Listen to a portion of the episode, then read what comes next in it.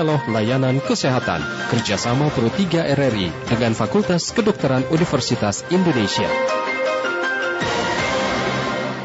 Terima kasih pendengar Anda masih bersama kami dalam Indonesia Menyapa Pagi dan kini kita masuki sesi dialog layanan kesehatan COVID-19 kerjasama FKUI dan Radio Republik Indonesia.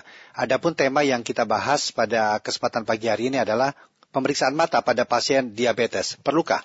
Dan kami akan membahasnya bersama dengan Dr. Gita Lisa Andayani SPMK dari Departemen Mata. Kami undang Anda nanti untuk dapat berinteraksi dalam dialog layanan kesehatan ini di 0213523172, 0213844545, 0213866712, serta WhatsApp kami di 081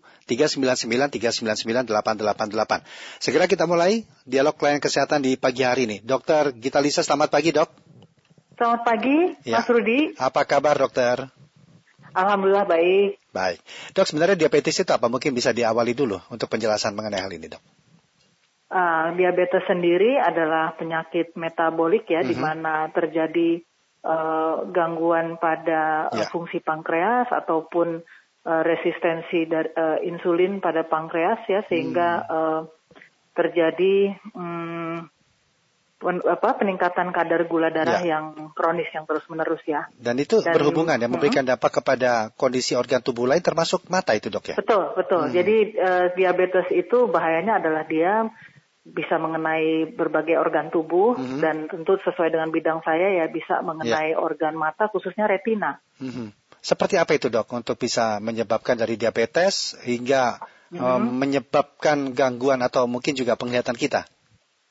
Ya, jadi uh, gula darah yang tinggi terus-menerus itu akan merubah uh, atau menyebabkan gangguan kapiler atau pembuluh darah kecil di retina.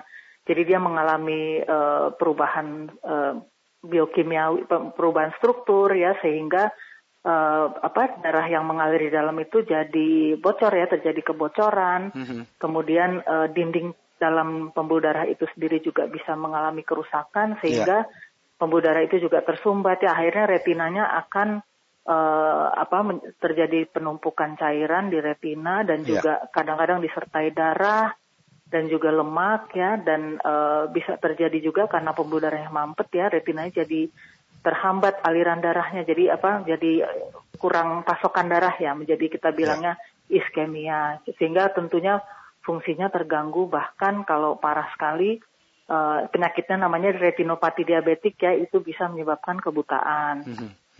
Jadi sebenarnya hmm. kalau uh, pasien atau seseorang yang memiliki diabetes itu memang perlukah secara rutin memeriksakan matanya dok? Ya, jadi uh, penyakit ini kan berjalannya bertahun-tahun ya. Jadi mungkin seseorang yang punya diabetes tuh nggak uh, sadar gitu ya, sudah mengalami selama beberapa tahun itu kalau sudah ada keluhan di matanya itu baru baru kadang-kadang dokter tahu oh ini ternyata disebabkan oleh retinopati diabetik. Jadi awalnya itu pada saat baru mulai muncul uh, tanda-tanda klinisnya pasien sering kali tidak menyadari. Oleh karena itu sebetulnya pendekatan utamanya adalah screening ya atau pemeriksaan awal sebelum ada gejala. Oleh karena itu kita memang menganjurkan sih ya berkonsensus dengan uh, atau uh, apa kerjasama dengan dokter penyakit dalam ya, ya. dokter umum itu uh, kita menganjurkan bahwa setiap orang begitu terdiagnosis diabetes itu seharusnya memeriksakan matanya gitu. Hmm. Jadi kita tahu munculnya tanda-tanda gangguan retina ini sedini mungkin. Iya. Gangguan penglihatan uh, seperti apa dok yang biasanya dialami? Ya, pada awalnya yaitu saya bilang tadi awalnya walaupun misalnya di matanya jadi ciri khasnya retinopati diabetik itu adanya eh, titik-titik e, perdarahan kecil ya awalnya gitu ya. Lama-lama e, ada bercak perdarahan yang lebih besar ya. Kemudian ada eh, bintik-bintik kuning yaitu kebocoran lemak ya yang kita sebut eksudat nah itu pada awalnya walaupun tanda-tanda itu sudah ada pasien biasanya masih penglihatannya masih bisa-bisa belum terganggu. Jadi pasien merasa penglihatannya masih baik saja ya. Mm -hmm. Oleh uh, oleh karena itu memang harus melakukan screening ya. Yeah. Tapi kalau uh, lebih lanjut lagi kalau uh, si perdarahan dan juga uh, cairan lemak tadi sudah mengenai bagian vital untuk mata ya yang kita sebut dengan makula atau mungkin kalau uh, pendengar semua ingat biologi SMA dulu namanya bintik kuning ya atau mm-hmm. makula lutea. Mm-hmm. Nah itu itu titik fokus penglihatan kita yang sangat penting ya. Nah biasanya kalau sudah kena area makula itu uh, pasien baru tuh merasa burem penglihatannya. Yeah. Nah lebih lanjut lagi kalau si gangguan pembuluh darah itu sudah lebih lanjut lagi di mana terjadi jadi pada stadium penyakit yang lebih advance ya, lebih lanjut itu eh, kekurangan oksigen pada retina akan menimbulkan pem, pertumbuhan pembuluh darah baru. Nah, pembuluh darah baru ini eh, sifatnya tidak sama seperti pembuluh darah asli di retina kita. Pembuluh darah baru ini rapuh, jadi dia dibentuk karena terbentuknya terburu-buru sebagai reaksi ya.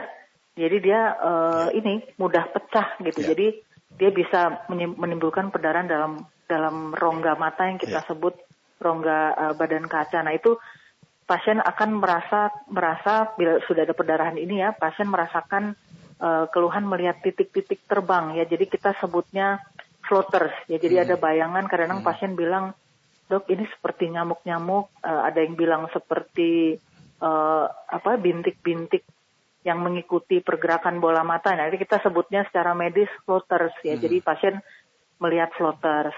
Yeah. Nah, lebih lanjut lagi kalau darahnya masif ya, kadang bisa terjadi seperti itu, Mas Rudi. hmm Pasiennya bahkan datang eh, sering kali ke IGD ya, itu penglihatannya mendadak seperti keterhalang atau ngeblok gitu. Dok, hmm nih ada eh, mendadak pandangan saya tertutup dan saya nggak bisa lihat apa-apa gitu. hmm Jadi kadang-kadang eh, variasinya seperti itu sih ya. Yeah uh, keluhan yang bisa dirasakan pasien. Iya. Silakan mendengar untuk Anda yang akan berinteraksi pada dalam dialog layanan kesehatan COVID-19 ini kami nantikan di 021 352 3172 384 4545 386 6712 juga dapat melalui WhatsApp kami di 399 081 399 399 888. Sudah ada Pak Udin di Boyolali, Jawa Tengah. Selamat pagi Pak Udin. Selamat pagi, Assalamualaikum warahmatullahi wabarakatuh. Waalaikumsalam warahmatullahi wabarakatuh. Silakan. Ya, Bapak Rodi, Ibu narasumber. Ya. Uh, apakah orang yang suka makanan yang makanannya banyak mengandung bahan kimia gitu, misalnya kayak mie gitu, apalagi makan mie mentah gitu ya. Apakah itu uh, uh, menurunkan uh, fungsi uh, mata dalam waktu tepat. Oh. Demikian hmm. terima kasih. Wassalamualaikum ya. warahmatullahi wabarakatuh. Oh, ya. Waalaikumsalam. Terima kasih Pak Udin. Silakan dokter. Uh, ya uh, tentu kalau zat kimia itu berbahaya ya Pak ya. Uh, ada memang beberapa gangguan mata yang bisa disebabkan uh, beberapa bahan kimia gitu ya, mm-hmm. uh, bahkan termasuk obat-obatan ya. Contohnya yang paling klasik barangkali obat uh, kina ya, obat uh, malaria, yaitu uh, bisa menyebabkan gangguan fungsi penglihatan mata ya, karena dia menyebabkan reaksi uh, apa toksisitas gitu ya, toksisitas pada retina. Tapi secara umum um, apa makanan makanan yang terjual ter, terutama makanan yang tentu ada izin edar ya itu relatif aman ya sebetulnya. Jadi un, jarang sekali menyebabkan gangguan pada mata. Kecuali uh, kalau bapak tanya makan mie terlalu banyak? Kebetulan pasiennya diabetes ya bisa menyebabkan gulanya naik ya, ya. akhirnya terjadi gangguan pada mata itu bisa. Tapi tidak secara langsung ya pak ya. Mm -hmm. Baik.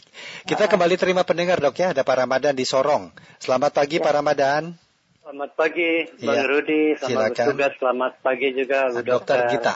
Salam sehat. Dokter siapa Pak? Dokter Gita Lisa. Dokter Gita. Oh iya, ya. Dokter Gita Lisa ya. Selamat bertugas dok. Mm -hmm. ya, terima kasih Sukses Pak. selalu ya. Terima kasih. Um, pertanyaan saya dok pertama, kalau saya itu minum kopi setiap hari kurang lebih 5 sampai 6 gelas. Satu gelas itu kurang lebih 300 sampai 500, 350 mili. Lalu hmm. gula satu setengah sendok.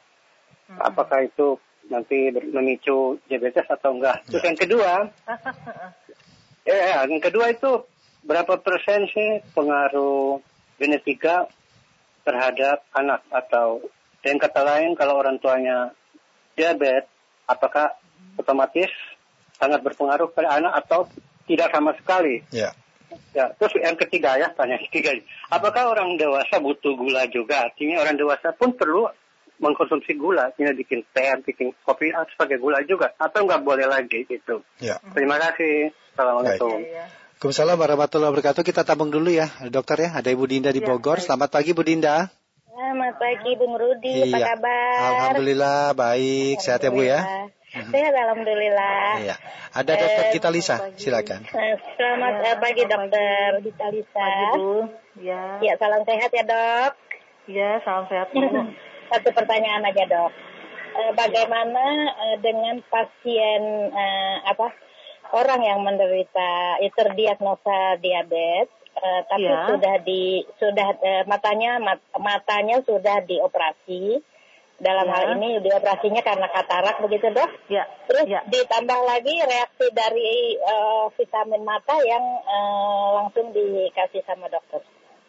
Ya. Oh, Tanggapannya oh, dokter. Baik. Terima kasih banyak. Bung Rudi, selamat pagi. Terima kasih Bu Dinda, selamat pagi. Silakan Dokter Gita untuk bisa menanggapi dari Pak Ramadan tadi ada tiga pertanyaan, kemudian dari Bu Dinda uh -huh. ada satu pertanyaan. Silakan dok. Oh iya, baik. Nah, pertanyaan Pak Rahman, uh, saya mesti jelaskan dulu. Saya uh, bukan dokter penyakit dalam ya, ya. jadi nanti kita harus uh, barangkali tanyakan lebih lanjut ke pakarnya. Tapi barangkali secara umum aja pengetahuan kedokteran ya Pak ya. hmm. ya. Kalau uh, Bapak khawatir minum kopi terus uh, pakai gula gitu ya. Sebetulnya kalau itu tidak sampai menyebabkan apa ya pada dosis yang wajar dan tidak sampai menyebabkan uh, diabetes ya. Tentunya bapak tahunya dari mana ya harus melakukan pemeriksaan gula darah ya pak secara berkala barangkali ya kalau bapak khawatir gitu ya. Nah sebetulnya aman pak kalau gula darahnya masih baik ya. Tapi secara umum memang kita sebaiknya membatasi konsumsi kafein Uh, gula kita perlu ya karena uh, gula itu adalah sumber energi ya sumber uh, karbohidrat adalah sumber energi. Kita kalau minum nggak ada kalorinya tidak ada gula sama sekali uh, kita lemes ya pak ya. Jadi silahkan saja pak nggak apa-apa asal tidak berlebihan ya. Demikian juga kopi juga kalau uh, pagi bapak minum mungkin uh, tambahan malam masih oke okay, pak. Tapi barangkali kalau bapak minum e, lebih dari tiga kali sehari awas-awas juga kena lambungnya ya barangkali ya. E, apa kafein terlalu banyak dan tentu efek kesehatan yang lain ya. E, mudah-mudahan menjawab pertanyaan pertama ya pak ya. Terus yang kedua tadi mengenai e, berapa persen faktor genetika itu faktor genetika ya. Ya, jadi jadi dalam DM itu memang uh, pengaruh ya Pak ya. Uh, apa kalau dalam satu keluarga ada kecenderungan e, banyak yang menderita atau menyandang diabetes, maka keturunan selanjutnya ada kemungkinan ya, tapi e, apa ya lebih itu tidak bu, bukan merupakan kalau berapa persennya persis saya kurang mengetahui ya, tapi e, yang lebih penting barangkali terutama pada DM tipe 2 itu adalah ke ini gaya hidup ya, gaya hidup. Jadi faktor gen menjadi salah satu faktor risiko tapi yang penting juga adalah gaya hidup. Jadi kita harus bergerak ya. Jadi yang mendukung untuk terjadinya DM tentu kalau uh, kurang bergerak ya dan konsumsi makanannya ya. Jadi kita kalau dietnya terlalu loss gitu ya mungkin kurang seimbang ya, terlalu banyak lemak dan dan uh, gula gitu kita bisa uh, berisiko untuk menderita diabetes mellitus. Ya, mudah-mudahan menjawab ya Pak ya. Jadi saya rasa gaya hidup itu lebih penting barangkali kalau kita punya faktor gen ya barangkali kita bisa uh, mencoba hindari ya dengan mengimbangi gitu dengan gaya hidup yang sehat jadi olahraga dietnya seimbang ya, ya. tidur tidur cukup dan sebagainya pokoknya uh, pola hidup yang sehat ya satu lagi menghindari uh, merokok gitu ya. ya. Kemudian yang ketiga mengenai apakah orang apakah dewasa kita ya, butuh perlu gula, gula. ya. Hmm. Perlu Pak, mudah-mudahan terjawab dengan jawaban saya untuk pertanyaan hmm. pertama kita tetap perlu gula pak e, karbohidrat dengan kata lain karena e, yaitu itu adalah sumber utama e, untuk energi kita ya. ya. Jadi kita boleh konsumsi gula tapi janganlah berlebihan. Baik. Ya. ya. Untuk pertanyaan Bu Dinda tadi dok, bagaimana dengan pasien DM yang sudah dilakukan operasi mata, kemudian juga ditambah mm -hmm. dengan vitamin-vitamin dari dokter, ini bagaimana nih? Oh iya, mm -hmm. um, saya rasa penderita DM eh, apa namanya kalau sudah laku, dilakukan operasi katarak uh, itu bagus ya, maksud saya itu sangat baik uh, untuk membantu fungsi penglihatannya. Tentunya kalau ada katarak kan bisa menurunkan tajam penglihatan kita ya, jadi bisa membuat penglihatan kita burem. Nah kalau diangkat kataraknya berarti media menjadi jernih kembali. Yeah. Tapi barangkali yang penting uh, untuk uh, ibu tadi kita kalau uh, ada ada diabetes memang dianjurkan untuk melakukan pemeriksaan mata yang lengkap. Jadi kita harus cek termasuk retinanya. Jadi dianjurkan itu kita screening setidaknya setiap tahun, Bu. Jadi barangkali uh, message-nya adalah walaupun Ibu sudah uh, apa dioperasi katarak, tetaplah melakukan kontrol teratur paling tidak setahun sekali ya. Kita perlu melihat apa uh, retinanya sudah terkena komplikasi diabetes ataupun penyakit lain karena penyakit diabetes sendiri merupakan faktor risiko untuk beberapa penyakit mata lain ya. Jadi selain kena retinanya yaitu tadi katarak sama glaukoma satu lagi ya. glaukoma yaitu kondisi di mana terjadi kerusakan saraf mata akibat tekanan terutama akibat tekanan bola mata yang tinggi yang sering kali ya. juga nggak disadari oleh ya. pasien ya. Itu jadi maka itu perlu pemeriksaan berkala. Yeah. Kemudian mengenai vitamin-vitamin, vitamin bagus ya Bu ya untuk menjaga kesehatan secara umum ya dia uh, biasanya ada vitamin A, vitamin C ya, vitamin E-nya. Nah, khususnya untuk mata memang dia tidak bisa uh, bu bukan merupakan obat ya, tapi dia uh, menunjang kesehatan sel-sel uh, retina ya, sel-sel ya. retina dan juga menjaga uh, apa namanya ya istilahnya untuk menjaga organ mata sih sebetulnya ya memberi nutrisi tambahan bagi organ mata. Mm-hmm. Jadi baik-baik saja nggak apa-apa sih bu asal asal tidak tidak berlebihan ya dan kita tidak menganggap itu sebagai obat yang bisa mencegah dari atau menyembuhkan dari berbagai penyakit mata, tapi memang sebagai penunjang. Ya, baik dokter. Terakhir mungkin singkat apa yang bisa dokter uh sampaikan untuk kita semua terkait dengan kondisi uh, yang tadi sudah dipaparkan di diabetes, tetapi juga akan ya. uh, berpengaruh ke mata kita. Silakan dok. Ya, jadi mungkin uh, saya ingat uh, ingatkan lagi pada masyarakat semua, diabetes bisa menyebabkan penyakit mata dan penyakit mata yang uh, terjadi akibat diabetes ini, terutama kena retina ya, itu bisa menyebabkan kebutaan sehingga uh, sayang sekali walaupun badan masih relatif sehat, kadang-kadang karena penglihatannya sudah kurang gitu ya, jadi tidak bisa produktif atau dengan kata lain menurunkan kualitas hidup.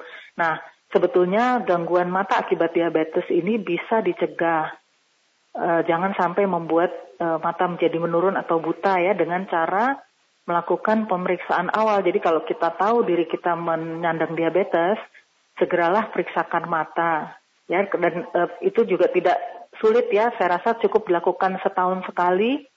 Kalau ada kelainan itu bisa ditangkap sedini mungkin dan e, barangkali e, tergantung instruksi dokter ya, ya. apakah per perlu interval yang lebih sering gitu ya. ya dan kalau sudah waktunya uh, di, diperlukan pengobatan bisa dilakukan secara segera ya, ya. jadi barangkali kuncinya kunci utamanya itu sih pemeriksaan mata ya saya saya rasa walaupun hmm.